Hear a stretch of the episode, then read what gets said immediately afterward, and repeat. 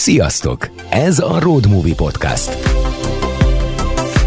Utaz velünk két hetente egy órán át, hiszen itt van minden, ami utazáshoz, kalandhoz vagy világjáráshoz kapcsolódik. A Road Movie neked szól. Ha már úton vagy, társad leszünk. Ha még csak utazni készülsz, inspirálunk, mert tudjuk, hogy elindulni nem mindig könnyű. Tarts velünk, és ajtót nyitunk a világra. Az adásokhoz kapcsolódóan még több tartalmat találsz a Road Movie közösségi oldalain, ahol cikkekkel, Road Movie live beszámolókkal és csak a Road Movie hallgatók számára elérhető ajánlatokkal is várunk. Ha már hallgatsz, kövess is minket! A Road Movie Podcast kiemelt támogatója, a biztonságos utazások szakértője, a Cherrisk utasbiztosítás, illetve az emlékek őrzője a CEVE, aki gondoskodik arról, hogy a Road Movie vendégeinek és műsorvezetőjének kalandjai kézzelfogható formában is életre keljenek. A mozi elindult, jegy a zsebedben, tarts velünk! Road Movie. A te utad. Sziasztok, utazók, útra készülők és a világ iránt érdeklődő hallgatóink! Ez a Road Movie Podcast 5. évadának második adása. Én Molnár Péter vagyok, a Road Movie Podcast alapítója és műsorvezetője. Illetve egészen pontosan ez az idei harmadik adás, mert volt egy extra Road Movie Kolumbiából februárban, az évadot pedig Valiskó Gyöngyi nigeri élményeivel indítottuk, aki egy igen különleges Tuareg Fesztiválról mesélt nekünk. Mielőtt a mai adásba belevágunk, most csak egy nagyon rövid szolgálati közlemény. Ha szeretnél feliratkozni a Road Movie hírlevélre, akkor látogass a Road Movie Facebook oldalára, és ott megtalálod a linket, és egy perc alatt már is megtelted. És hogy miért érdemes? Legfőképpen azért, mert a hírlevelekben minden, az adott hónapban megjelent adáshoz kapcsolódó összes tartalmat egyben megtalálsz.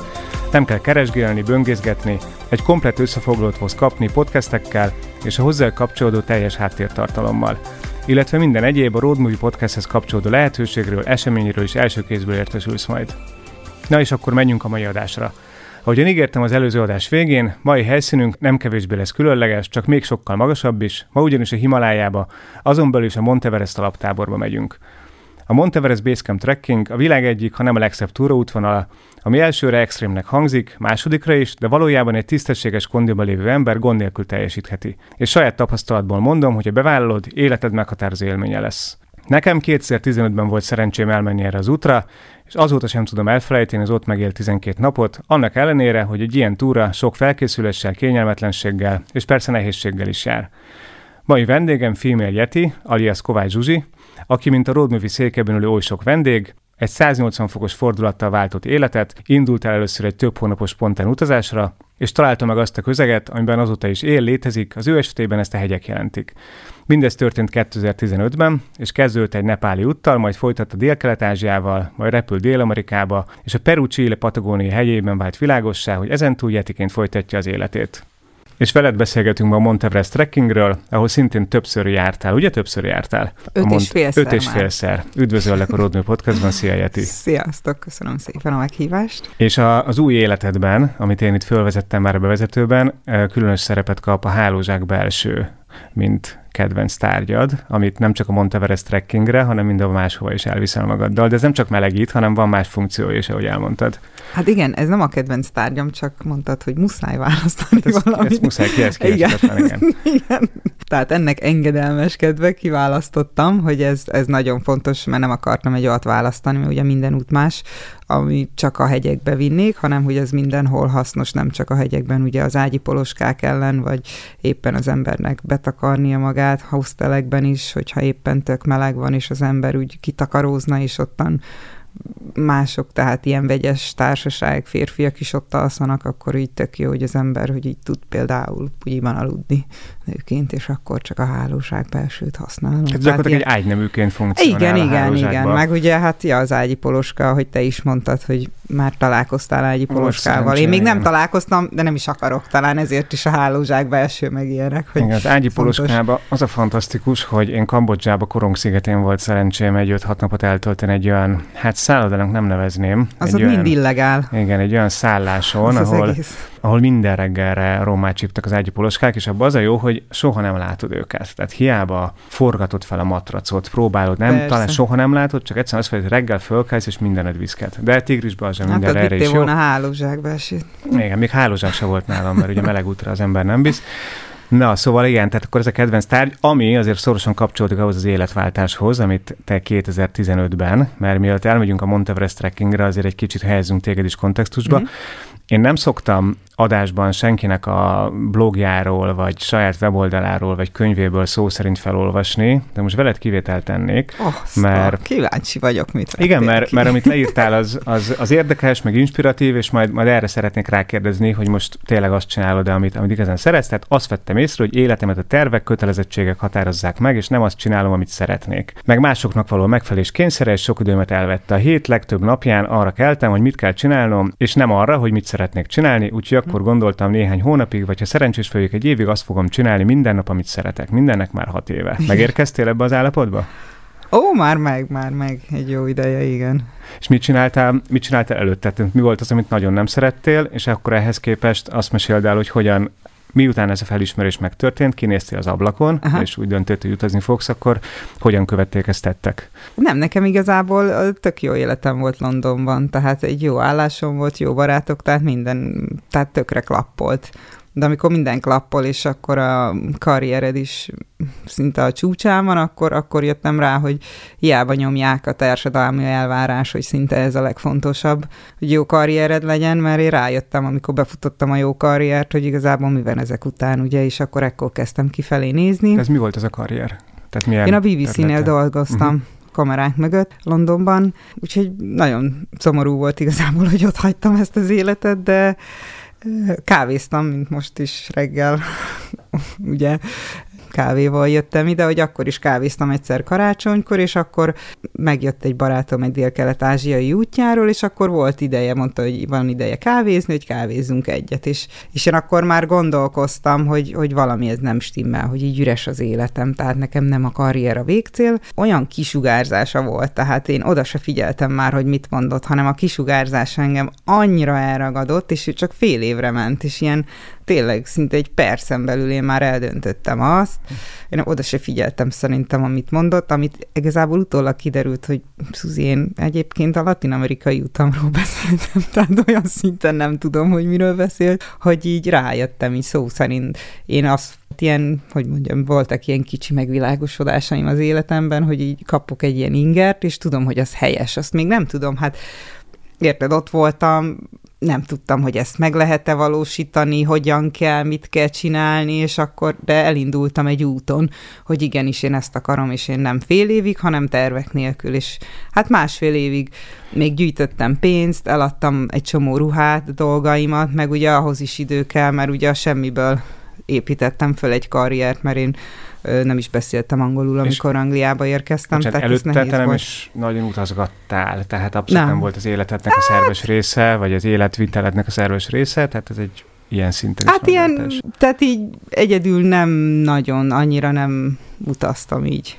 Tehát azért is, uh-huh. tehát bátorságot kellett meríteni, és a többi, meg azért, hogyha van egy jó életed, azt így hátrahagyni, azért az sem könnyű. Tehát ezt mindezt így, így összetéve így másfél év alatt. És akkor úgy döntöttem egyszer csak, hogy mert mindig, amikor erre tudtam, hogy világá fogok menni, az sosem jön el az idő, hogy most lehet menni. Úgyhogy egy nap le kell ülni, meg kell venni a jegyet, pont. Úgyhogy nekem is eljött ez a pillanat, hogy áprilisban leültem, hogy megvettem, mert ugye szeptemberben kezdődik a, az őszi túra szezon Nepálban, úgyhogy én áprilisban megvettem szeptemberre a jegyet, és tudtam, hogy addig mindent el kell intézni, mert ugye az ember mindig talál kifogást mindenre, és én is találhattam volna 5 millió kifogást, de nem, mert kifogásokkal egyszerűen nem lehet élni, nem jutunk egyről a kettőre, úgyhogy ennyi megvettem, és akkor kész szeptember 10-én el is indultam 2015. Miért Nepálba? Tehát általában az ilyen elhatározást, hogyha tettek követik, akkor a, az utazóknak a 90%-a az valahova Dél-Kelet-Ázsiába veszi az az irány Tájföldre, Fülöp-szigetekre, Indonéziába, Balira,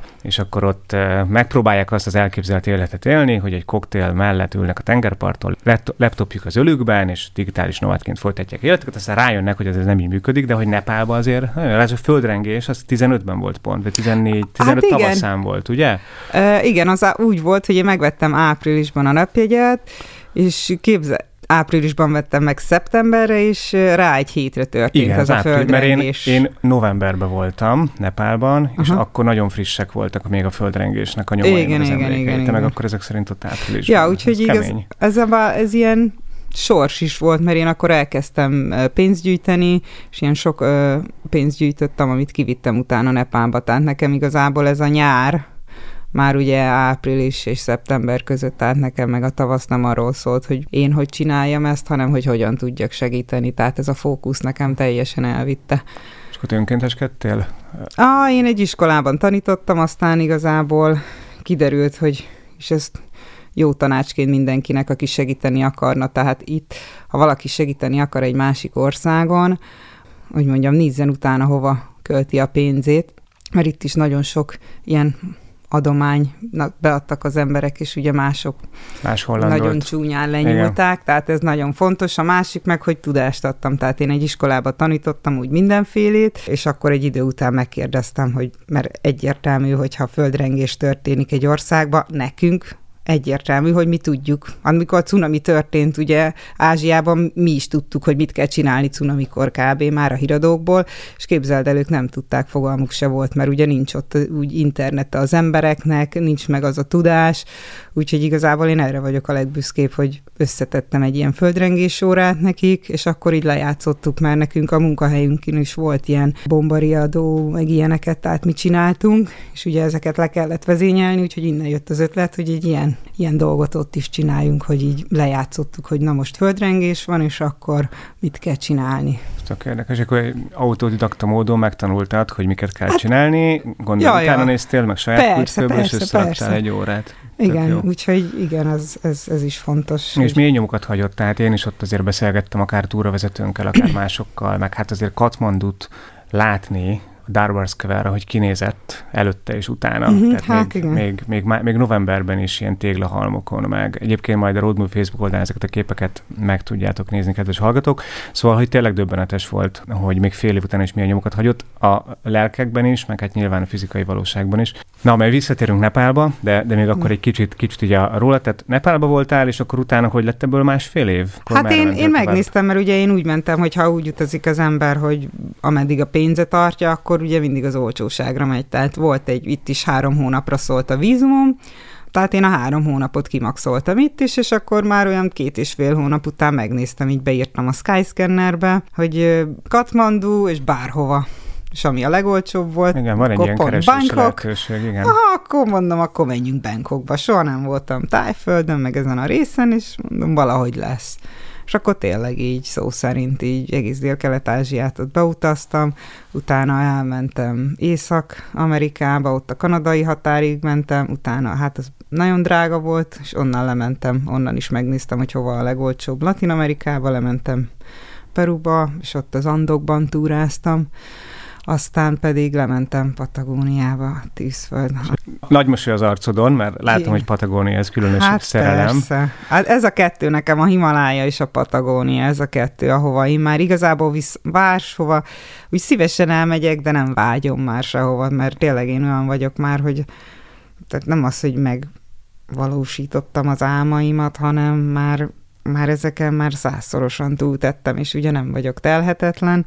Tehát szerintem mindig az a fontos az embernek, hogy az első nagy álmát, hogy ezen lépjen túl az ember, hogy megvalósítsa, mert utána már igazából a többi álmok, utána lesz még egy csomó persze az embernek, de már nem olyan intenzív, és az a jó, hogy ilyenkor így átjön az ember a félelmén, hogy ezt meg tudja csinálni, és ez csak az első álom, és utána rájössz, hogy mindenre képes vagy, és, és azért ez a szabad életérzés, ez azért sokkal jobb élni, még akkor is, ha az ember 9-től 5-ig dolgozik, tehát ez, ez szerintem tök fontos, hogy így az ember így, így építse magát belsőleg is és úgyhogy valósítsátok meg az álmaitokat. Igen, De az és elsőt főleg. Az elsőt főleg, és azt hiszem a Backpacker Bori írta le a könyvébe, hogy valójában milyen könnyű közel kerülni az álmokhoz, mert hogyha az embernek van egy távoli, nagyon távolinak tűnő, nagyon messzibe vesző álma, akkor általában nem kezd neki, mert olyan messze van, és olyan sok mindent kell még addig megcsinálni, és lehetetlennek tűnik és akkor ő javasolta a könyvében azt az egyszerű szabályt, hogy bontsd apró lépésekre az álmaidat, és mindig csak a következő lépést, minden nap egy lépést tegyél meg, ami lehet, hogy csak egy e-mail megírás, egy telefon, vagy egy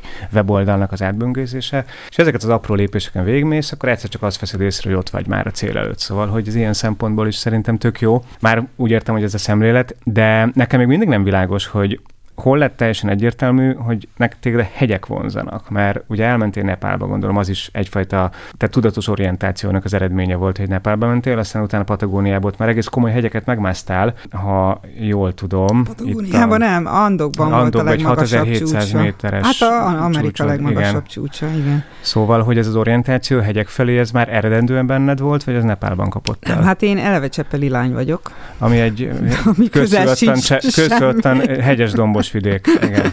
Nincsenek 8000-esek Csepel-szigeten sajnos, úgyhogy én nem voltam. Én ugye kimentem 2005-ben Angliába szerencsét próbálni, pont 10 éve, 2012 karács, 2000, mennyi, 12 karácsonyát, igen. Én bikiniben tájföldön akartam tölteni, és a barátaim mondták, hogy jaj, persze menjünk felkészültünk, hogy jaj, de jó, megyünk, és ezt lemondták szeptemberben, hogy megyünk decemberben, de már kivettem a szabimat akkor, és valahova mennem kellett, és néztem inspirációt, és valahonnan bejött szerintem ilyen reklám, ilyen utazásokat néztem a neten, ugye Everest alaptábor. Nekem egyáltalán nem volt az álmom, semmi, mert ugye én nem vagyok ilyen hegyes ember, de valahogy ez itt is jött egy ilyen, hogy így bekattant, hogy ezt nekem meg kell csinálni, és igazából az is ugye a tél közepe volt, mert karácsonykor voltam ott 2012-ben, és ez egyébként egy nagyon-nagyon nehéz túra volt. Ja, hogy te már 12-ben voltál. Igen, ott, igen. Aha, ezt nem tudtam. Ez nagyon nehéz túra volt, és miután visszajöttem, mert én nem beteg voltam,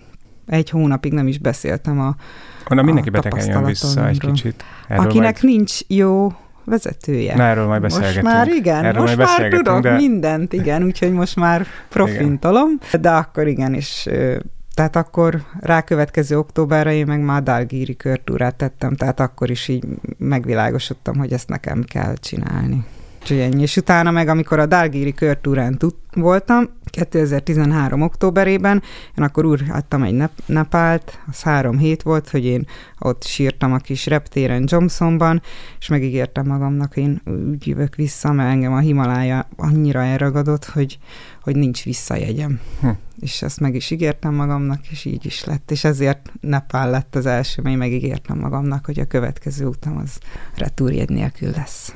Na, hát igen, retúrja nélkül bárhová menni az eleve egy bátor dolog, és az, az már egy eleve elrendeltetés. Tehát, hogy olyan szempontból igen. ugye, azt mondani, hogy ha az életedben nagy váltást csinálsz, akkor nem érdemes a lábadat benhagyni az ajtóba magad nem. mögött, hanem, hanem akkor csukd be ezt az ajtót, és hát ilyen, hogyha hát nem Persze, mert nem szárnyal az embernek a gondolatai igen, igen. annyira. Meg rájön, hogy nem kell mind, ugyanoda visszamenni, mert nekem is volt Suzi, mi lesz, hogyha most itt hagyod a karriered? Minden. No, mi lesz, ha egyszer megcsináltam, szerintem másodszorra is meg tudom, tehát változás igazából úgy nem lesz, tehát a régi életemet visszakaphatom bármikor, de, de nincs értelme ugyanoda visszamenni. Ez amintha érted, az életben felmész az első emeletről a másodikra, így jobb életbe, és utána visszamenni az elsőre. Minek? amikor a harmadikra is el lehet jutni, és ugye ezek az utazások mindenhez a boldogság emeletekhez hozzájárulnak folyamatosan, mert a boldogság is nem egy végcél, hanem egy folyamat, és így folyamatosan rájövök, hogy egyre jobb, jobb, jobb lehet az életem még a mai napig is.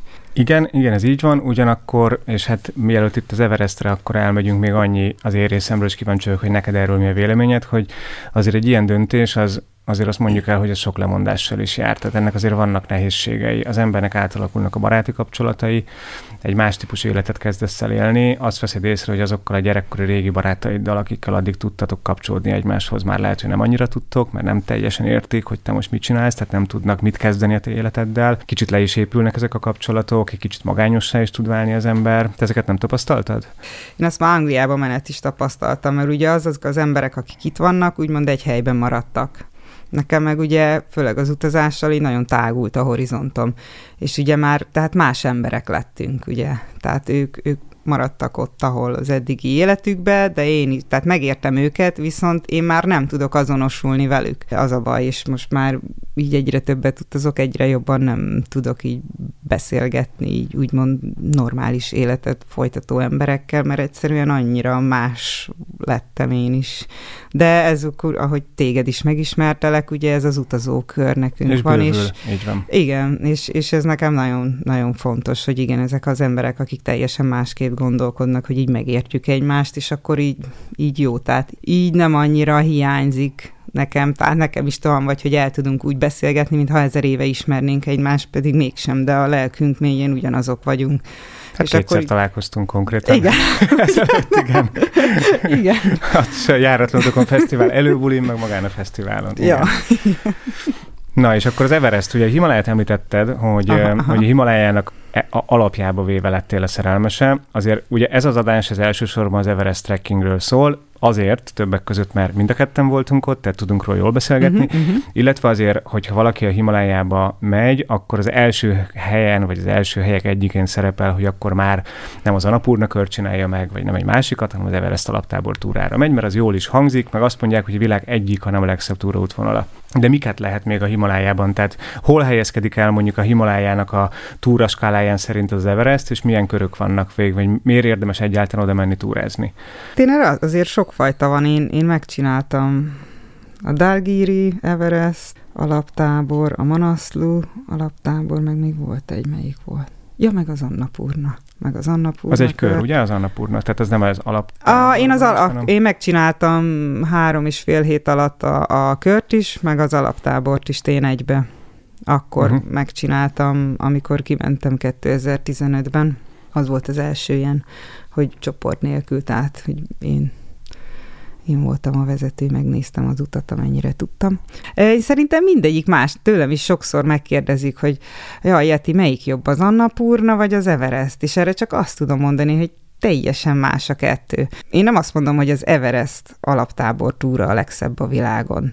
Mert nem, mert, mert ott van Patagónia is, meg millió gyönyörű hely, de az az életérzés, az az érzés, amit te ott kapsz, az viszont sehol máshol. Tehát amikor azt mondja valaki, hogy jaj, minek elmenni a Himalájáig, mert amikor itt is tök szép helyek vannak, itt van a Pilis, meg a Tátra, meg az Alpok, akkor sem fogja az ember ugyanazt az életérzést megkapni, amit kint. Mire az, gondolsz? hogy 8000-esek. Hát az, hogy a, ugye az a buddhizmus, meg a 8000-esek, a hatalmas expedíciók, a legendák, tehát a szó szerint az, hogy belépsz oda, és egy teljesen más világba, vagyis főleg nekem azt tetszik, leginkább az Everestben, mert az Annapurna körön is már van út, tehát az már így az volt a világ egyik legszebb túrája, amíg el nem cseszték, mert úgy gondolták, hogy tök jó oda utat betenni, csak minek? Kínai gazdag turistáknak, akik lusták sétálni, csak éppen a világ nagyobb része, aki oda járt, ilyen nyugatiak, azok meg igazából már nem oda mennek, mert nem olyan is ott be lehet menni autóval, viszont például az Everest régióba nem lehet. Hát, Tehát oda vagy be kell repülni, vagy elsétálsz igen. hat napot. Igen. Tehát az azért még eléggé vad. Tehát és ott tényleg berepülsz, és egy teljesen más világba csöppensz. Igen, most, hogy azért kérdeztem, hogy mire gondolsz életérzés alatt, mert ezt én még nem tudtam megfogalmazni magamnak, de amikor én ott voltam, akkor én is éreztem folyamatosan, hogy egy valamilyen nagyon különleges közegben vagyunk, és ehhez valószínű, hogy hozzájárul a buddhizmus. Talán a, az a tisztelet, amit parancsolnak nem csak a hegyek, hanem uh-huh Tenzing Norgay, Edmund Hillary, megnézed a szobrát, látod az expedíciókat, vagy akár te biztos tudod fejből annak a fensiknek a nevét, ahol az elhúnyt hegymászóknak az emlékművei vannak, egy kicsit Ezt följebb. előtt van, de most ne kérdezz. igen, ott is, ott is azért, hogy megáll az ember, vagy Tembukcsékben a kolostorban, amikor áldást kapsz a, a szerzetestől. Tehát, hogy az egésznek van egy olyan pátusza, ami én nem voltam még Patagóniában, de biztos, hogy nincs meg a Pilisben. Azzal együtt, hogy a Pilis de Patagóniában sincs meg az az életérzés, és ez az, amit mondtál, ez az alázat és ez szerintem azért is van, hogy nehéz, és nincs oxigén, tehát ez hozzájárul, ugye, hogy épül le a szervezeted, és így nagyon erősnek kell lenni, meg valahogy így sokan jönnek el egyébként szakítás után, meg hogy valamit... Nekem is egy ilyen esemény vezetett oda. Meg hogy így életút választás előtt, és, és nekem is, én mindig tehát én már ugye sok, nyolc, most már kilencszerre fogok áprilisban visszamenni, és hogy nekem én mindig vissza kérdéseket és most is ugye ott kim voltam majdnem másfél hónapot most október-novemberben, és vittem kérdéseket, és mindig megadja a Himalaja választ. Hm. Tehát ott olyan légkör van, hogy én is egyszerűen nem tudom szavakba önteni, de egyébként nem kell mindent szavakba önteni szerintem, meg ezt mindenki más kap, és amikor így elmegyünk én, tehát ez, szoktam hype ezt, persze ezt az Everestet, mert azért megyek vissza mindig, mert imádom, de az emberek is mondják, hogy fú, hát itt tényleg igazad van, itt, itt, itt, itt valami más, itt valami hm. csoda van.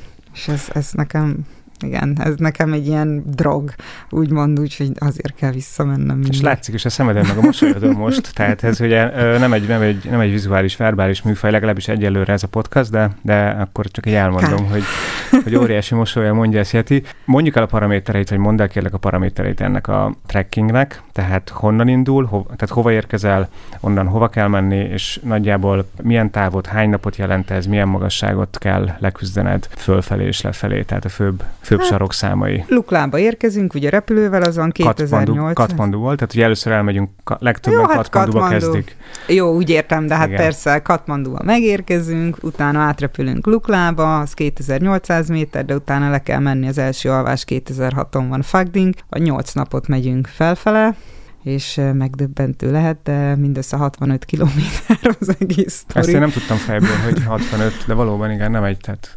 Tehát összesen ilyen 130 Nem a távolság, hanem a magasság az, ami Hát persze, beszél, igen. igen, igen, ugye nincs oxigén. 8 nap alatt és 3 nap alatt le lehet jutni, mert ugye fölfelé aklimatizálódni kell, ugye a szervezetnek lefele, meg már olyan, mintha az ember, nem tudom, 10 Red Bullt megivott volna, mert ugye több az oxigén, sűrűbb a levegő, és így gyorsan le lehet jönni.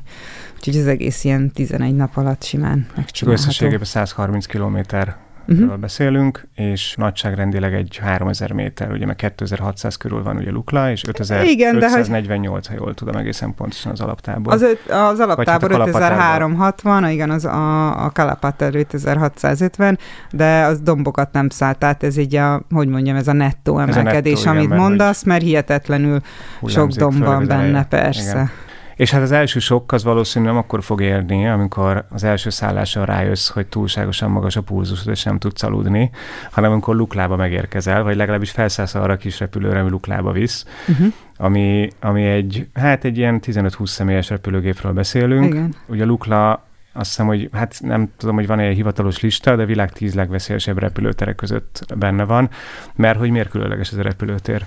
Hát ugye azért különleges, mert nagyon rövid, azt hiszem valami 500 valahány méter csak, és ugye van benne ilyen ugye emelkedő is, mert ugye nem lehet, nem tud lefékezni, mert az, az egyik végén ugye e, ilyen sziklafal van, a másik végén meg szakadék. Tehát igazából, tehát nincs úgymond hiba lehetőség.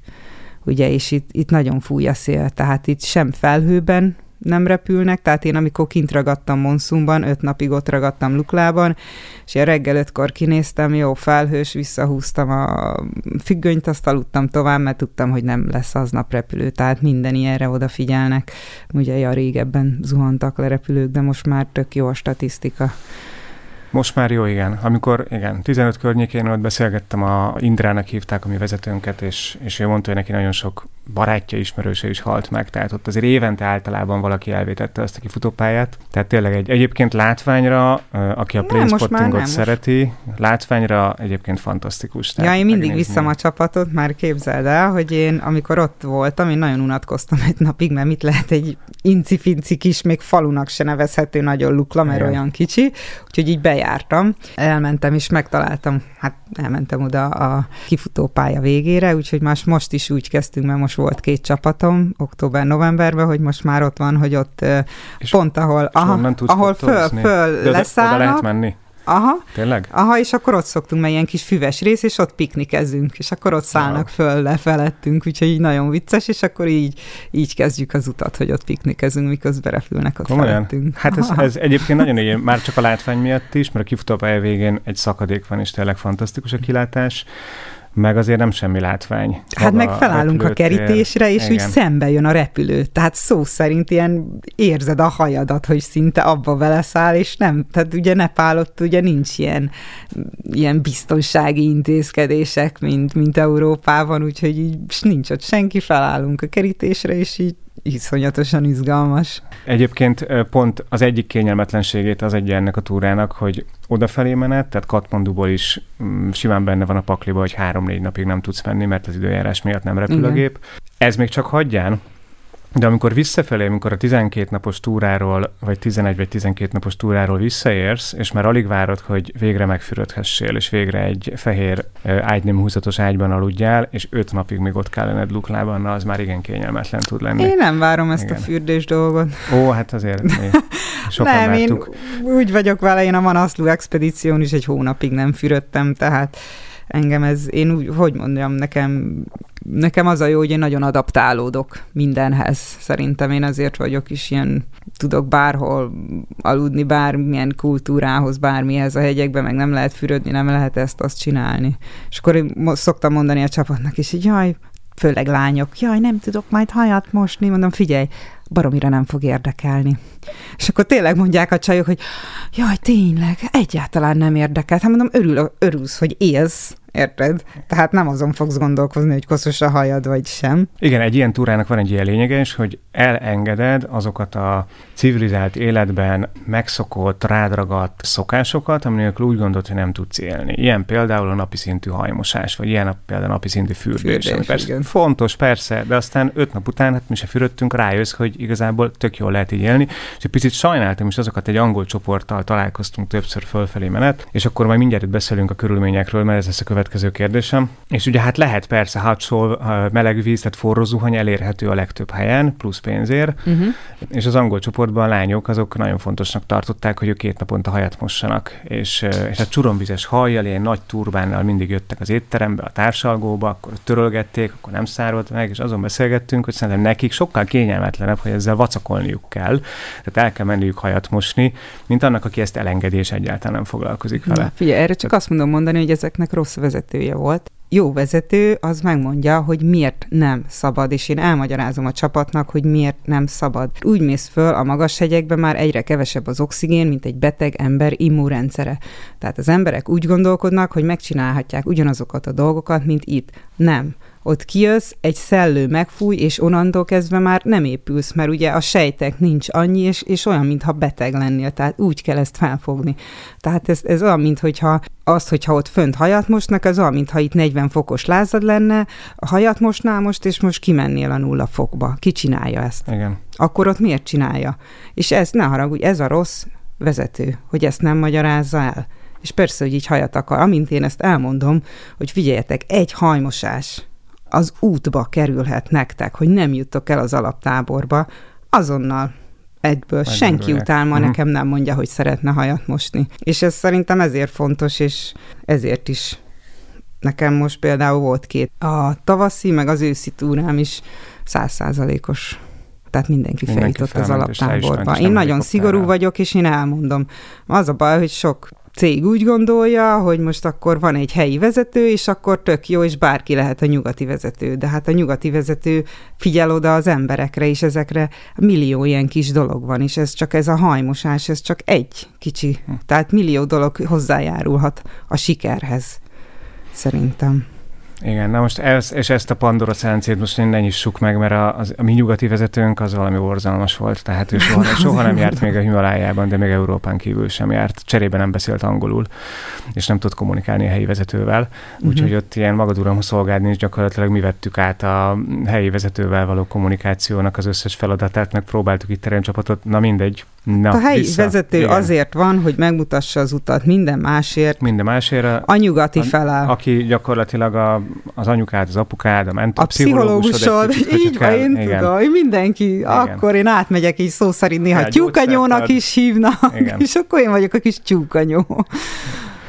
Milyen körülményekre számíthat, aki erre a túrára elmegy? Hozzám intézett legtöbb kérdés ezután a, a trekking után. Nekem volt egy cikkem erről, és ott abban benne volt az e-mail címem, és az volt a cikknek a vége, hogyha valaki hasonló útra készül, és kérdés akkor nyugodtan írjon uh-huh. nekem. Kaptam, nem tudom, pár levelet, néhányan írtak nekem, és a legtöbb kérdés a következőkre irányult. Milyen felszerelés kell, tehát mi, milyen, miket kell megvásárolni, uh-huh. miket vigyen magával, ami esetleg ö, nincsen neki milyen szállás körülményekre számíthat, és milyen kondiba kell lenni ahhoz, hogy valaki egy ilyen túrát teljesítsen. Azt hiszem, hogy ez a, meg az árak Tehát azt hiszem, uh-huh. ez a négy volt az, ami uh-huh. a, a legfontosabb volt. Akkor ezeken menjünk végig. Kezdjük a felszereléssel. A felszerelés az egyik legfontosabb, és én mindig úgy szoktam, mert hiába mondott te is, hogy kell mondjuk egy jó szélálló valami kabát, ami szerintem a, a Holy Grail ennek az egész útnak, a szélálló nadrág és a, a felső, és hogy ez miért jó, stb. Tehát, na mindegy, erről tényleg órákat tudok beszélni. Én el szoktam menni a csapattal, ilyen túraboltokba, és elmondom, hogy ez az anyag miért jó, ez az anyag miért nem jó, mert szélállóból is van tíz fajta például, minimum, de szerintem talán százfajta is, tehát baromira nem mindegy, hogy béléses, nem béléses, mert béléses az nem jó, hogy béléses legyen, mert ugye ott az a fontos, hogy megtörje a legelején, ugye mondjuk 4000 méterig a szelet megtörje, utána meg, hogy mondjuk a síkabát nem jó, mert azt mondják, mert ugye a szélállót le kell cserélni, hogy síkabátot fegyenek, de a síkabát nem jó, mert ugye az arra jó, hogy mozogsz benne, és az teljesen más a funkciója, mint például egy pehelykabátnak. De volt, aki például én hallottam olyat, hogy csak azt mondta, hogy jaj, kell a pehelykabát, és el, eljöttek egy ilyen vékony pehelykabátba. Tehát a pehelykabátból sem mindegy, Persze, hogy miért hát viszed. Tehát azért mondom, ez olyan szinten össze, igen. tehát hogy ebbe szerintem nem menjünk bele. Igen. Hát olyanokra gondolok, hogy, hogy például, amit nekünk mondtak, hogy ugye hálózsák, és akkor egy kicsit áttérve a szállás körülményekre. Tehát ugye ezen az úton arra fel kell készülni, hogy olyan szállásokon fogsz aludni, vagy, fog, fogunk, vagy fognak az utazók aludni, ahol nincsen fűtés. És hát magasság függvényében azért ott éjszaka lehet, nem tudom, plusz, plusz 10 fok, de lehet akár mínusz 5 fok is abban a szobában, ahol te alszol, és egyáltalán nem mindegy, hogy milyen hálózsákot visz valaki erre a túrára. Nekünk a mi csoportban volt egy lány, aki jó ötletnek tartotta, hogy a katmandői piacon veszi meg a North Face hálózsákot, ami elvileg komfortzónában mínusz 20 fok volt, tehát nyilván egy hamis mm-hmm. hálózsák volt, Hát ő már az első... Mi az első? Fagding. Igen, Fagding. Ő már ott lila szájjal jött le az ebédlőbe reggel a reggelihez, mm-hmm. amikor azt hiszem én 10 fok körül volt a szobában. Tehát, hogy, hogyha engem kérdeznek, azt mondom, hogy a hálózsák az, na abban nem szabad kompromisszumot kötni, mert nem tudsz aludni, vagy fázol éjjel, és azt nem tudsz senkitől kölcsön kérni. Mert az De az tök fölösleges venni, én mindig azt mondom a csapatomnak, hogy tök fölösleges venni, mert egy ilyen hálózsák lenne, vagy százezer forint, és hogy ha nem mennek legközelebb, nem használják, akkor fölösleges százezret kidobni, úgyhogy mi napi egy dollárért bérelünk. A lényeg, hogy legyen nálad egy jó ha persze, de hát tök, Igen. persze, tehát fontos, de... Nem is tudtam. Látod, ezért kell egy Azt vezető is, is az elmondja neked, napi egy dollárba kerül. Ugyanígy Komolyan. lehet pehelykabátot is. Aha, napi De az egy hol? Dollárba. Ott lenn Katmanduban ki Katmanduba, persze. És mi is ezt csináljuk és jó a csapattal. tehát... Hát most is aha. volt két csapatom tavasszal is, meg most az alap, a klasszik trekre, meg most októberben is, és senki nem fagyott halálra. Hm. Nem, az, nem, nem, itt nem az a lényeg, hogy hány fok van mínusz öt, mert most azt mondod, hogy mínusz öt van, itt mínusz öt. De mínusz öt egy, mondjuk egy 5000 méteren, vagy 4000 méteren teljesen más, mert ugye nincs oxigén, nem termelsz hőt. Tehát azért mondom, ezt nem lehet mondani, amikor nekem is kérdezik, hogy, hogy ja, hogy mi hány fok lesz. Ezt nem lehet megmondani, mert sokkal jobban fájni fogsz, mert nem termeled a hőt és, és ugyanúgy fázni fogsz, és hideg érzeted lesz valószínű. Azért kell a jó hálózsák, hogy igazából, ja, ne fagyjál meg. Igen, meg hát a jó bakancsos általában ugye egy cipőt, legalábbis a legtöbben ugye egy cipőben mennek, és ugyanazt a cipőt hordják éjjel-nappal, kivéve amikor a hálózsákban vannak, de azt tudja még nagyon elrontani az utat, hogy, hogyha a cipő az, az mondjuk nincsen betörve, vagy egy olyan... A persze, egy bejáratott vízálló mindenképp, ami a bokát fogja. Igen. Mennyibe kerül egy ilyen, egy ilyen túra? Tehát körülbelül milyen költségekre lehet számítani, hogyha valaki szeretne elmenni az Everest altáborba? Gondolok itt most a, a teljes csomagra, tehát a repülőjegy, a Budapest Katmandu, Katmandu Lukla, ott a hegyi vezető, a szállások, és hogyan lehet ezen spórolni, mert szerintem azért erre van egy egy pár lehetőség. Hát ancakli pakli szerintem olyan egy millió forint körül van, egy millió kettő, tehát azért van mindenféle költsége, meg főleg most felmentek nagyon, ugye a Covid óta hihetetlenül felmentek a jegyárak, meg mindennek körülbelül felment. Ami nagyon-nagyon-nagyon sokat lehet spórolni, az a víztabletta és én azt mindig szoktam a csapatnak is mondani, hogy van egy márka, ez az Aquataps, amit kint lehet venni, és nincs olyan klóríze, mert ugye igazából ez egy, egy tabletta, az egy csepp hipó körülbelül, és ennek nincs olyan hipó íze. Tehát ez nagyon fontos, mert fönt ugye nagyon-nagyon drága a víz, de ezzel igazából, mert ugye fönt lehet vizet venni, de én, én arra is mindig nagyon ügyelek, hogy szemetet ne termeljünk. Tehát nekem elsősorban ez a nem a pénzcsökkentés, hanem a szeméttermelés, de amikor ez a kettő párosul, ez a legjobb, és ez a víztisztító az egyik legfontosabb dolog, igen. Igen, hát a, a magasság növekedésével az árak is növekszenek egyenes arányban. Hát persze. azért, mert ugye, ugye azt mondtuk, hogy Lukla az utolsó hely, ahová bármilyen motorizált közlekedési eszközzel el lehet jutni, tehát általában oda szállítják a sörtől, a vizen át, a, az élelmiszerig, WC-papírt is, meg mindent, uh-huh. ugye lehet látni ott ezeket a terhordokat, hogy a hátukon viszik fel a, hú, az a legrosszabb látvány, hát a amikor a karton, karton söröket viszik fel, tehát ú, na mindegy. Igen. És hát nyilván minél messzebb kell ezeket felvinni, annál többbe kerül. Persze. Ilyen ezer forint körül volt már Goraksebben egy liter víz, így emlékeim szerint, mm-hmm. és akkor hát én ezt a mikropurt használtam, ami az eléggé klórizű volt, de én azzal valóban nagyon sokat spóroltam, hogy tisztítottam a vizet, és nem kellett megvenni. Mert ugye azért egy 5 liter vizet érdemes meginni naponta legalább Hát ahhoz, öt, az, öt azért én azt mondom, hogy az már sok és ezt így figyelni kell mindenkinek magának, de egy három minimum, uh-huh. az kell, és azt, azt szoktam is verni a népet, hogy számolja hogy, hogy mennyit iszik, meg ugye fontos, hogy figyelni kell, mert ugye mindenkinek más a szervezete, én mindig mondom, hogy mindenki figyelje a pisiét. Tehát sárga nem lehet, viszont ha már vízszínű, már az sem jó, mert ugye itt azért az ásványi anyagokat, az ásványi anyagokat kimosod, és ezért is már én szoktam mondani, hogy már előtte ugye az emberek kezdjék el vitaminokkal feltölteni a szervezetüket, meg ott is ugye plusz tabletták, meg mindenféle tablettát hozzanak magával, mert ezt, ezt pótolni kell. Egy picit szaladjunk itt végig, nyilván nagyon nehéz elmondani, hogy miket láthatunk, vagy ki, milyen tájjal találkozhat az, aki a, a Monteverest alaptábor túrára elmegy, de szerintem van egy-két nagyon emlékezetes helyszíne ennek az útvonalnak. Tehát, amit legalábbis számomra a Luklai reptéről ugye beszéltünk, Namcsa Bazártánk, Bokcsek Kolostor, stb. stb. Ezeket mondd el, hogy neked mik azok a helyszínek, vagy melyek azok a pillanatok, vagy mik azok a megélések, amik, ami miatt azt mondod, hogy ez annyira különleges, és hogyha mondjuk valaki megkérdezi, hogy miért menjen el erre a túrára, akkor miket mondanál ezek közül? Hát én azt mondom, hogy az egész út, de például nem Bazárt említed, mert ugye az elején vannak ezek a kis falvak, és például nem Bazár az egyik nagy kedvencem. Én amikor a Monszumban ott voltam, akkor én hála Isten találkoztam a serpa vendégszeretettel, mert az ilyen nagy csoportosoknak az is a gond, hogy ezek a, hogy mondjam, futószalak te a házakba viszik az embereket, és itt egy ilyen nagyon kedves családnál laktam, és őket is úgy találtam, tehát, hogy Monszumban bajban voltam, mert nem számoltam bele, a, amikor egyedül mentem a a parkbelépőket valamiért elszámoltam magam.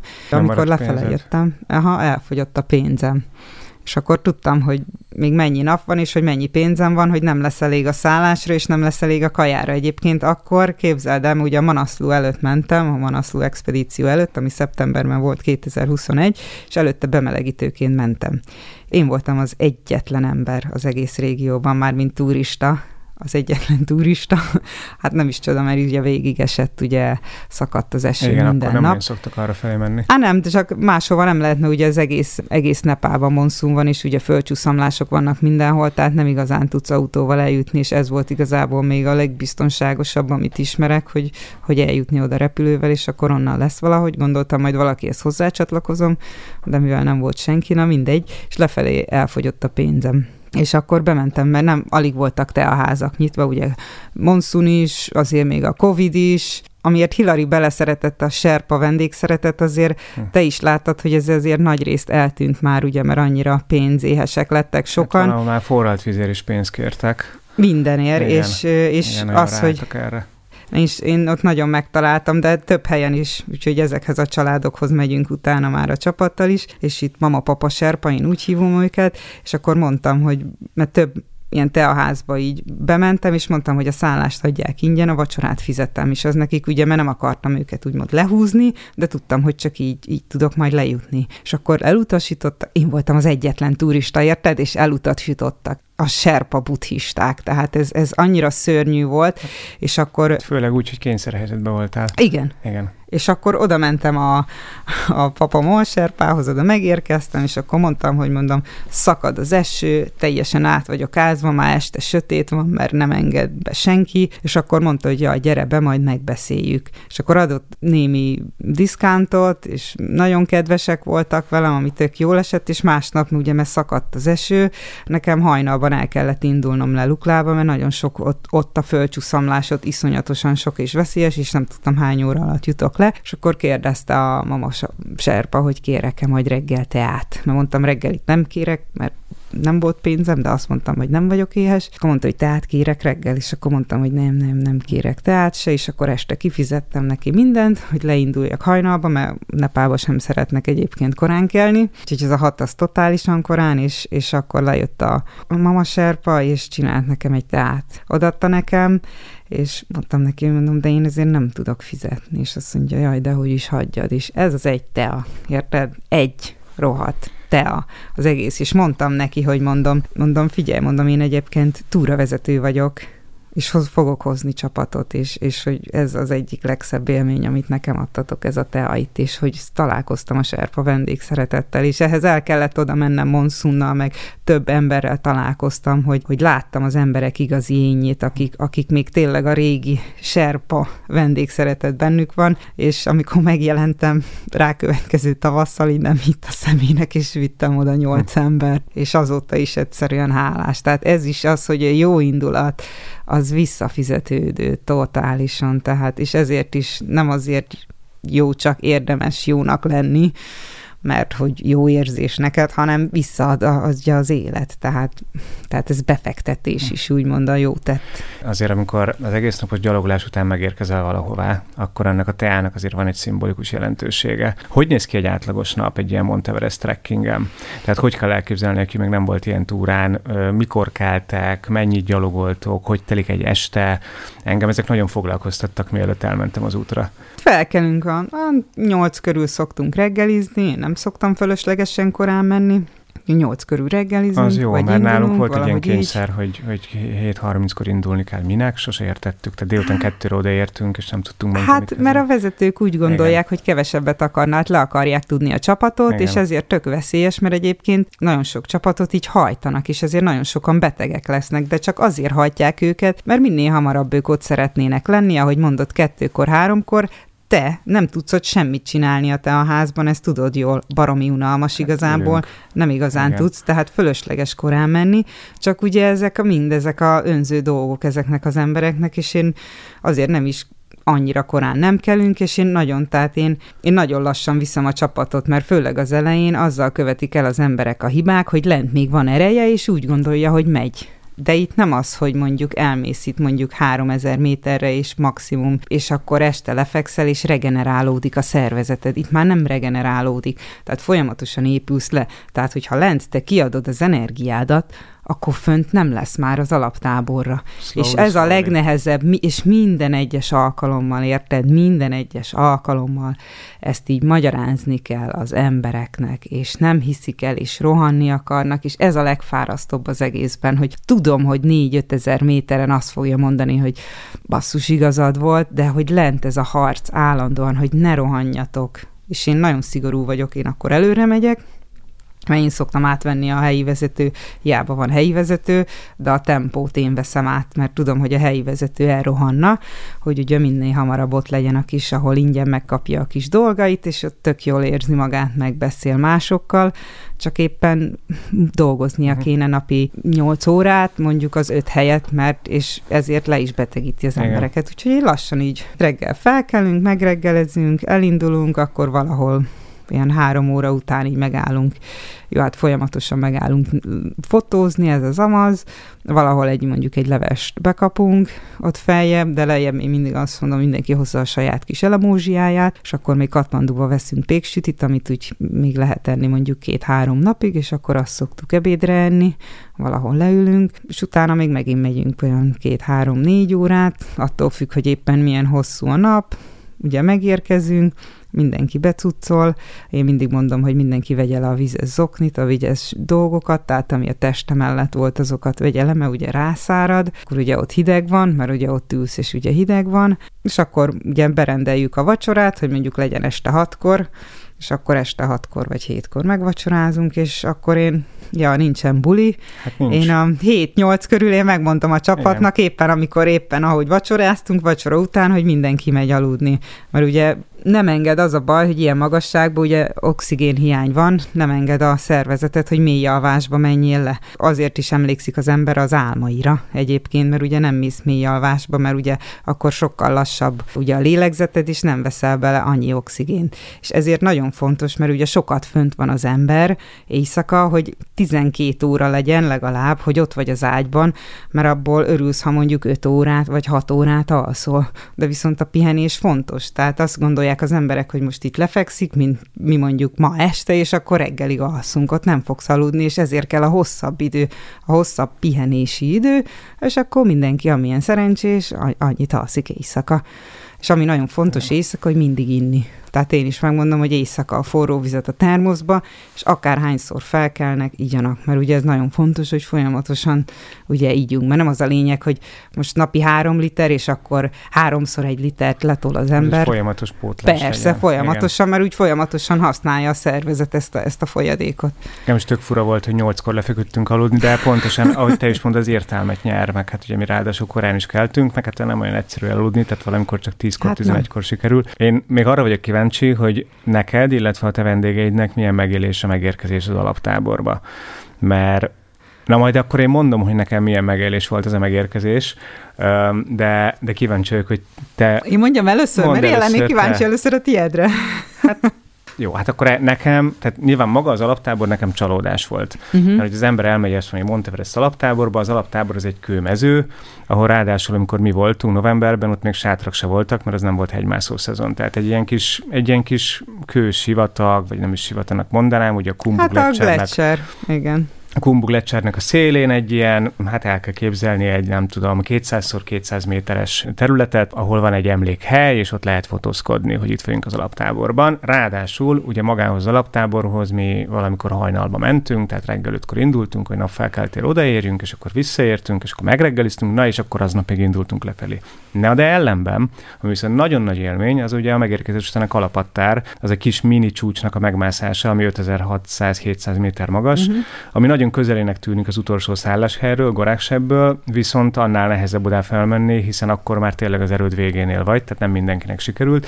De az viszont egy nagyon-nagyon jó csúcsélmény volt számomra. Tehát én így éltem meg, és akkor ehhez képest kíváncsi vagyok, hogy nálatok ez hogyan szokott lenni. Hát látod, most pont erről beszéltél, hogy csúcsélmény, és ez általában férfiaknak fontosabb ez, hogy most a csúcs, és akkor most nem tudom, itt az az végig az az életérzés, ami ott van ez nem azért mész, hogy elmenj az alaptáborba, hanem maga az út, amin végigmész, az adja az élményt, és nem pedig megérkezés. Hát, igen. Hát, igen, de az is az, hogy az, az amikor ott vagy a, a megérkezés, az nem az, hogy ott most sátrak vannak, vagy nincsenek, hanem az, hogy, hogy neked az volt az álmod, hogy elérd az Everest alaptábort és most az, hogy pont ezt nem egy csúcsnak hívják, mert a, igen, az ember gyarló, és ha csúcs, akkor jobbnak számít, mint ha nem csúcs. Szerintem ez, ez, hogy az ember megvalósítja az álmait, és te is azért mentél oda, hogy az Everest alaptáborba menjél. A kalapatár csak azért, hogyha a kalapatár, érted, ugyanolyan magas lenne, akkor nem lenne olyan nagy élmény szerintem, csak most, hogy fú, most akkor az 200 méterrel magasabb, akkor az most ugye az menőbb, meg nem tudom, de, de ez az egész, hogy hogy azért megy oda az ember, hogy azon az úton mész végig, ahol ezek a fantasztikus expedíciók mentek, és, és ugyanazt, ugyanazt látod, amit ők, mert ugye azóta a falvakon kívül nem változtak a hegyek, meg semmi, és, és ez az életérzés, ami, ami ott van. Szerintem. Igen. Akkor lehet, hogy téged nem kapott el. Abszolút, el, de elkapott. Így, hú, nem, te, teljes, teljes mértékben elkapott, csak, csak hogy az ember, hogyha egy ilyen sok nehézséget magába hordozó túrán végigmegy, akkor várja a beteljesülést. És a beteljesülés az ugye lehet egy folyamatos beteljesülés, amit ugye érzel a, az út alatt, és tényleg én azóta nem felejtem el azokat a napokat, meg én nagyon-nagyon sokáig álmodtam is vele, tehát ebből látszik, hogy mennyire meghatározó élmény volt. És hát ugye ehhez képest maga az alaptábor, ugye sokat vártunk tőle, hogy az majd valami nem tudom milyen nirvánába megérkezünk, és hát nem volt nirvána, tehát lehet, hogy nekünk voltak rosszak a várakozásaink, de maga egyébként a túra Meg ahogy mondtad, hogy egy Igen. ilyen csapat volt, és a vezetősük, tehát ez, ez mind hozzájárul ehhez az egész sztorihoz. Tehát ez sem mindegy, hogy hogy, hogy, hogy, mész, hogy futószalagon így végigizélnek, és úgy érzed, hogy végig futószalagon vagy, hogy persze ezt, ezt, ezt akkor nem fogod megkapni, és ez, tehát ennek az embernek ez az élete álma, és lehet soha, de soha nem lesz alkalma, hogy még egyszer eljöjjön ide Tehát nekem az, hogy ott látom, hogy az emberek boldogok, és csillog a szeme, és hogy odaértünk, ez, ez, ez nekem minden, de szerintem az is az, hogy én is ezt átadom nekik, hogy akárhányszor visszamegyek, nekem ugyanolyan nagy élmény volt. Most volt egyébként tavasszal, mert már voltam négy évszakba. Most volt először, hogy tavasszal mentem. Tehát most először láttam én Láttad is sátrakat egyébként. Sátrakat, Nem csak, hogy láttam, hanem képzeld el, hogy a mama-papa Serpának a fia, akivel összeismerkedtem ugye nem Csebazárban, ő az alaptábornak a vezetője. Úgyhogy ők a, a kötelekért, a kötélkihúzásokért, a szemétért, mindennel ő felel, mindenkit ő felügyel, és akkor mondtam, hogy akkor megyek, és akkor mondtam, hogy kb. ekkor érek oda, és akkor oda jött és várt minket teával, és akkor a De csapatnak jó. majd beszélt az expedíciózásról, tehát így nagyon-nagyon izgalmas volt.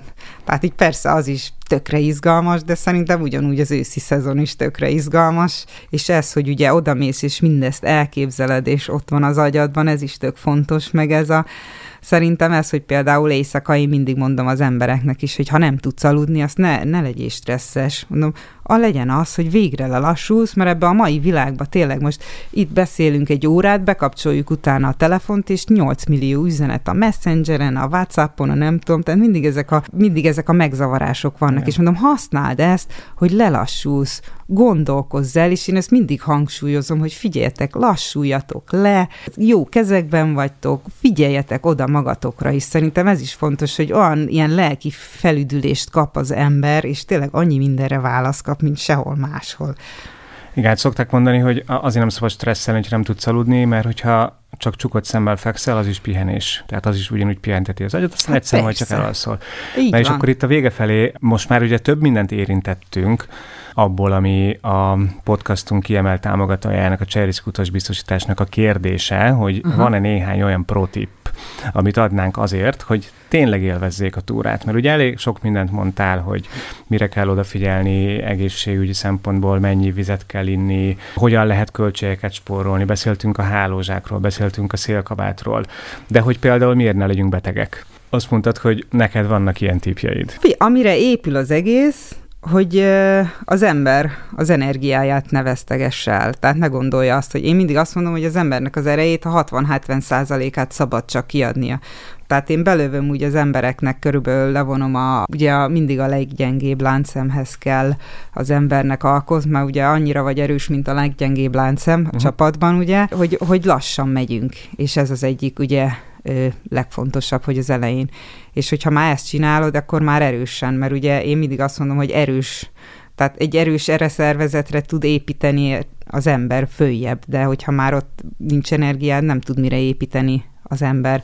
Sokat és folyamatosan inni, napsapka fontos, tehát én mentem, láttam olyan csapatokat, hogy sapka nélkül mennek és, és úristen, hogy lehet, és, és ott a vezető is, és nem szól rájuk, hogy, hogy figyelj, ezért kell a sapka, és az UV-sugárzás itt olyan, hogy hát 5 kilométerrel közelebb vagyunk, vagy, igen. és olyan tiszta a levegő, mint sehol máshol. Meg a pormaszk volt. A pormaszk. Még, ami, ami nálunk nem volt, és azért mindenkinek valamilyen légúti betegség. Nem tudtam beszélni már Katmanduban, tehát hogy annyira... Hát azt nem, azt mindig szoktam, Igen. hogy a buff azt kint szoktunk Igen. venni, akinek nincs, mert kint ugye ilyen kamu, ilyen csősál, az kb. ilyen 500 forintba kerül, az kötelező, mert lejjebb, meg én azt is Igen. mondom, hogy lejjebb a por, de följebb én mindig azt mondom, sőt, minden éjszaka, hogy az ember azzal aludjon. Mert ugye mélyebbet lélegzel, hideg a, hideg a levegő, ugye lemegy a torkodra, szárazabb a levegő, tehát nem csak a por miatt kell, hanem hogy éjszaka is. Sőt, már szoktam mindenkinek mondani, hogy gyakoroljon előtte.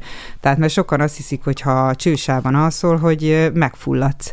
És már mondom, hogy előtte, hogy akinek van csősája, gyakoroljon itthon, hogy nem fogsz megfulladni, mert ez is nagyon fontos, hogy éjszaka csősában uh-huh. aludjunk. Van-e még? Víztisztító tableta, nem rá, ígyunk. Előtte vitaminozzunk, meg igen, hát hogy a Dimox az például nálam van, ez a magashegyi betegség ellen. Tehát ha én látom, hogy valaki gyengébb, hogy akkor én mindig megkérdezem, meg elmagyarázom, hogy miért jó ez a magashegyi betegség elleni gyógyszer, és akkor így eldönti mindenki, hogy szeretné eszedni, vagy nem. Ez egy érdekes kérdés, mert én például szedtem végig. Úgy voltam vele, hogy életem útja, tehát inkább preventív módon beveszem, mint hogy valamikor később előjöjjön, és hát ugye megint csak kérdeztem a vezetőt, azt mondta, hogy persze, persze, abból nem lesz semmi baj, de hogy akkor ezek szerint arra is van megoldás, hogyha valakinek menet közben jönnek ki a tünetek. Én mindig az van, hogy figyelek mindenkit, és ha már látom, hogy kezd gyengülni, én akkor már mondom. Tehát ez akkor jó, ha már egy kicsit már úgy gyengülsz, tehát az, hogy erős vagy, lehet, hogy végig meg tudtad volna csinálni, és Ki én mindig tudja. azt mondom, hogy beszéljen a szervezetet, tehát oda kell figyelni a szervezetedre, minden kis dologra, és akkor, akkor elkezdeni, amikor a szervezeted jelzi, hogy most kell a Dymox. Én szedtem végig, tehát ez egyébként teljesen jó volt. Cserébe nem tudom, hogy a, hogy a Dymox hát védette meg, vagy nem, de hát nekünk azt mondták, hogy, hogy az alkoholfogyasztást azt így felejtsük el gyakorlatilag onnantól kezdve, hogy kilép kiléptünk a Luklei reptérről, hát mi még goraksebben is sörözgettünk vidáman, amit hát nem, nem annyira szabad, meg nem Hát az ajánlott. alkohol meg a kávé, Igen, mert ugye elvonja a folyadékot a szervezetettől. Az abszolút minden hidratál. Igen. Na de és akkor itt kezdünk átkötni egy picit már az étkezésre. Ugye mondtad, hogy kellenek a táplálékkiegészítők meg a vitaminok, és ugye az záró két kérdés ebben a podcastban mindig a, az egyik az mindig a gasztrómiára vonatkozik. Milyen étkezésre vagy milyen ételekre számíthat az ember ez alatt a túra alatt? Tehát mi az, ami, mi az, ami várja őt ezekben a vendégházakban? Vagy akár, hogyha egy serpa családnál laktok? Ez már nagyon-nagyon jól fejlődik, tehát évről évre egyre jobban, és én azért is mondom, hogy minél hamarabb, annál jobb, megy, mert folyamatosan fejlődik, tehát most már, amikor te legutóbb voltál 2015-ben, azóta szerintem sokkal jobb a higiénia is, meg minden. Tehát reggelire zabot, tojást, ez a ilyen mindenféle ilyen tibeti kenyér, helyi kenyér, ilyen csapati lehet, vagy toast kenyeret enni, Úgyhogy vacsorára meg mindenfélét csinálnak, pizzát is, spagettit is. Pizza, igen. Aha, hát igen, azt őszt is így összeszedik, ősz ilyen csapati kenyérből, meg mindenből. Tehát van, én azt mondom mindig, hogy van pár ilyen összetevő, és akkor abból mindenfélét csinálnak. Tehát azért lesz egy, meg a rizs, ugye, azt érdemes, ez a mm, sült rizs, az is jó, ugye a dálbát, ugye a helyi étel, amit a helyiek esznek, ugye a blencse, kis zöldség, meg rizs. Tehát azért van, van választék, én azt mondom. Tehát... Választék van, és az is igaz, és akkor jöjjön tőlem még egy tip, hogy én szerintem azért érdemes vinni csokiból, meg energiaszeletből, meg vitaminokból, amennyit magaddal tudsz inni bevásárolni, mert egyrészt azért magasak az árak följebb, Persze, meg maguk. pedig nem nagy adagokat adnak, tehát nem arra kell számítani, hogy elét tesznek egy akkora rántott húst, ami lelóg a tányérról. Tehát én rendszeresen éhesen feküdtem le, meg hát nyilván fogytunk is rengeteget, tehát hogy nekünk mondjuk nagyon jól jöttek a, a Horváth Peti barátommal, vagy hát ott ismertük meg mást, azóta vagyunk nagyon jó barátok, hát mi folyamatosan a, a boltban megvett löncshús konzervet pakoltuk bele a sül rizsbe, amit ott nem tudom, valami volt megvettük, mert egyszer annyira olyan energiahiány, hiányba szenvedtünk, amit éreztünk, hogy nem fedez az a, az, a, az, az étel, amit elénk tesznek. De amúgy egyébként nem, nem rosszak a kaják, tehát tényleg mindent lehet kapni. De egyébként minél följebb mész, egyébként egyre kevesebbet teszik az ember, mert ugye lassul az embernek az emésztése amúgy is. Tehát az, hogy te Dimoxot szedtél, valószínű, hogy azért is ettél olyan sokat, mert ugye úgy van, hogy az embernek ugye csak az ilyen létszükségre megy rá az embernek a szervezete, mint például például a lélegzés, és pontosan ezért lelassul az embernek az emésztése, a szervezete is, ezért nem, tehát följebb már nem is eszik annyit az ember általában. Uh-huh. És ez amúgy tök normális, hogy megeszi az ember a felét vagy háromnegyedét, az is mondjuk bőven elég, mert nekem is mint egy kő áll a gyomromban, mert nem emésztem olyan gyorsan. Igen, az, az még egy, igen, ez valóban problémás, hogy minden lelassul egy picit, és másképp működik az emésztés, ugye reggel az ember akar menni WC-re, akkor azért néha küzdeni kell, szóval egy kicsit átalakul az ember szervezete. Hm. És hát akkor az utolsó záró kérdés az Hát nagyon-nagyon erősen sejtem a választ, de mindenkit meg szoktam kérdezni, hogy melyik az az ország vagy régió, amelyik hozzá a szívéhez és a lelkéhez legközelebb áll. Egyben egyúttal olyan, amit örömmel ajánlana a hallgatóknak, mint egy olyan része a világnak, ahová még érdemes elmenni, hogyha valami különlegeset szeretnénk látni. Én azért is kettőt fogok, már lázadó vagyok. Azt nyugodtan lehet. Ebben nincsen. A kedvenc tárgyban van ilyen szigorú kritérium, nem lehet kettőt kitenni a Facebook oldalra sem, de ebbe bármennyit mondhatsz. Hát ugye a Himalája, és nekem azon belül is az Everest régió, és ez nem azért, mert reklámozni akarom a csoportomat, hanem mert nem mennék ide-vissza, és nem vágynék mindig ide-vissza, mert tényleg mindig valami különlegeset ad, és lelkileg is, meg az embernek a szervezete, hogy olyan kihívás, ahol tényleg sehol máshol nem találkozol. Tehát itt hiába futsz száz maratont le egymás után, nem fogja azt a kihívást adni, mint fönn, mert ugye, ahogy te is mondtad, ez testi-lelki kihívás mindkét téren, meg az e, halál lassan a szervezeted, és, és ezzel küzdeni, tehát ez sehol máshol nem kapja meg az ember, nekem Patagónia ez a kettő, ott meg a millió hektárnyi vad, vadon az, ami Ugye a Patagóniát azt akkor helyezzük el a térképen, nem biztos, hogy mindenki tudja, hogy pontosan, ugye ez Argentinának a legdélebbi része. Meg tehát, Chile. Meg Chilének a legdélebbi. Legdél, tehát már az Antarktisz megközelítő csücske Dél-Amerikának. Igen. Hát még fölötte ugye még Igen. van ilyen, ja, olyan 2000 kilométer körülbelül, de ilyen, tehát nagyon nagy vadon van ott, és nincs is kiépítve, és nem is lehet, mert ugye olyan extrém szokott lenni ott az időjárás. Igen, különleges hely. Nekem is volt ott, volt barátnőm is volt ott, meg te is nagyon sokat meséltél róla, én még nem voltam, de együntetően Levente barátom is volt ott, és mindenki azt mondja, hogy egyszer el kell menni, mert egy olyan különleges része a Földnek, ahová Igen. egyszer az életben. Hieti, nagyon-nagyon szépen köszönöm a beszélgetést. Én köszönöm a meghívást. Én nagyon élveztem, remélem, én hogy is. te is, és a hallgatók Igen. is. És ebben az évben azon kívül, hogy én megköszönöm neked a beszélgetést, a idei évben a Roadmovie Podcast kiemelt támogatójának köszönhetően egy kis ajándékkal is szeretnénk neked megköszönni. Ez egy Csí, CEVE fotókönyv utalvány, egy 20 ezer forintos utalvány, uh, amit a CEVE-nél használhatsz fel egy fotókönyv elkészítésére. Nem tudom, hogy tudod-e, hallottál-e már erről lehetőségről? Nem. Akkor mindjárt elmondom, de előtte megkérdezem, hogy te a saját fényképeidet, amit mondjuk például, azt gondolom, hogy párját ritkítják azok a képek, amiket el lehet készíteni, uh-huh. például egy ilyen Himalája túrán. Ezeket te digitális formában szoktad megőrizni, vagy szoktál valami fizikai megvalósulást is adni a képeidnek?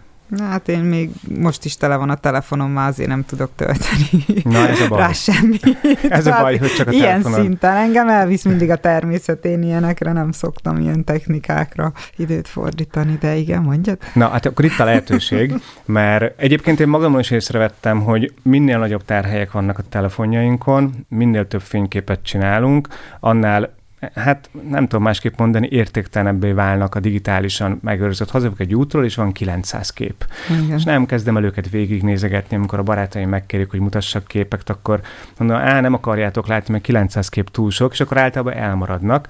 Uh-huh. És ez például egy tök jó lehetőség, hogyha megnézed majd a cevének a weboldalát, uh-huh. egy nagyon szuper profi weboldaluk van, gyakorlatilag a saját képeidből, amit te akár az életed során bármikor, vagy akár egy-egy adott túráról készítettél, össze tudsz rakni egy olyan fotókönyvet, ami egy boltban kapható bármilyen nagyon jó minőségű könyvnek a minőségével teljesen mértékben megegyezik, tehát egy komplett teljes könyvet, és ez hangsúlyozottan nem egy fotóalbum, hanem egy könyv, aminek az összes lapjára a te fényképeid uh-huh. vannak rányomtatva, és a saját magadnak össze tudod állítani, és a kezedbe tudod venni a saját könyvedet, a saját utadról, élményedről, amit akár magadnak, akár barátoknak, ismerősöknek adhatsz ajándékba, de egyébként nagyon sok egyéb olyan lehetőség van az oldalukon, meg a portfóliókban, ami a fizikai formában történő emlékek megőrzését szolgálják, a bögrétől kezdve a naptáron, hát nagyon sok minden, hogy használd egészséggel. Köszönöm szépen, fogom és is amennyiben megteszed, akkor én nekem egyetlen kérésem lenne, hogyha Igen. elkészül ez a fotókönyv, ami remélem, hogy meg fog történni, akkor küldjél róla néhány fényképet, mert akkor azt én megosztanám a hallgatókkal. Jó, van, rendben. Jó? Úgy lesz. Oké. Okay.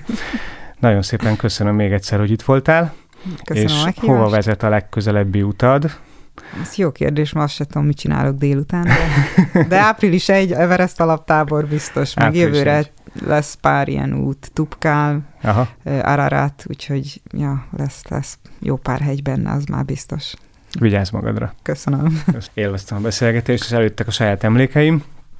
Ja, kedves, örülök. igen, kedves Roadmovie hallgató, köszönöm, hogy 2023-ban is velünk vagy, és meghallgattad ezt az adásunkat is. Még nagyobb köszönet, hogyha a Facebook oldalunkat is beköveted egyetlen kattintással, ahol erről az adásról is további tartalmakat, elképesztő képgalériát és egy cikket is találsz a személyes élményeimről. Két hét múlva is maradunk Ázsiában, még mindig a hegyek között, de műfajt váltunk, hallgassatok minket akkor is, sziasztok! A mai mozi véget ért.